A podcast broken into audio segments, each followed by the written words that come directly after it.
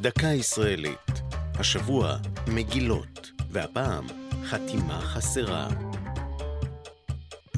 במעמד החתימה על ההכרזה על מדינת ישראל, או בשמה המוכר יותר, מגילת העצמאות, נראה היה כי נחתם גם פרק הגלות של העם היהודי. כל מילה במגילה נשקלה שוב ושוב, אולם בתום מעמד החתימה התגלה כי חסר דבר מה. חסרה חתימה. 37 החתימות המופיעות בתחתית המגילה הן של חברי מועצת העם.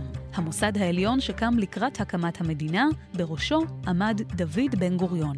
שדאג שחתימתו תופיע בראש החותמים, אף על פי שקודם לכן הוחלט כי החתימות תסודרנה לפי האלף-בית של שמות חברי המועצה. בולטת בהיעדרה חתימתו של חיים ויצמן, נשיאה של מועצת העם ונשיאה הראשון של ישראל. לפי אחת הסברות, בן גוריון מנע מריבו הפוליטי ויצמן את החתימה, שכן במועד החתימה על המגילה, שהה חיים ויצמן בארצות הברית. סברה אחרת גורסת כי ויצמן התמרמר על כך שבן גוריון תפס לעצמו את המקום הראשון בסדר החותמים, וסירב לחתום על מגילת העצמאות גם לאחר שחזר ארצה. זו הייתה דקה ישראלית על מגילות וחתימה חסרה.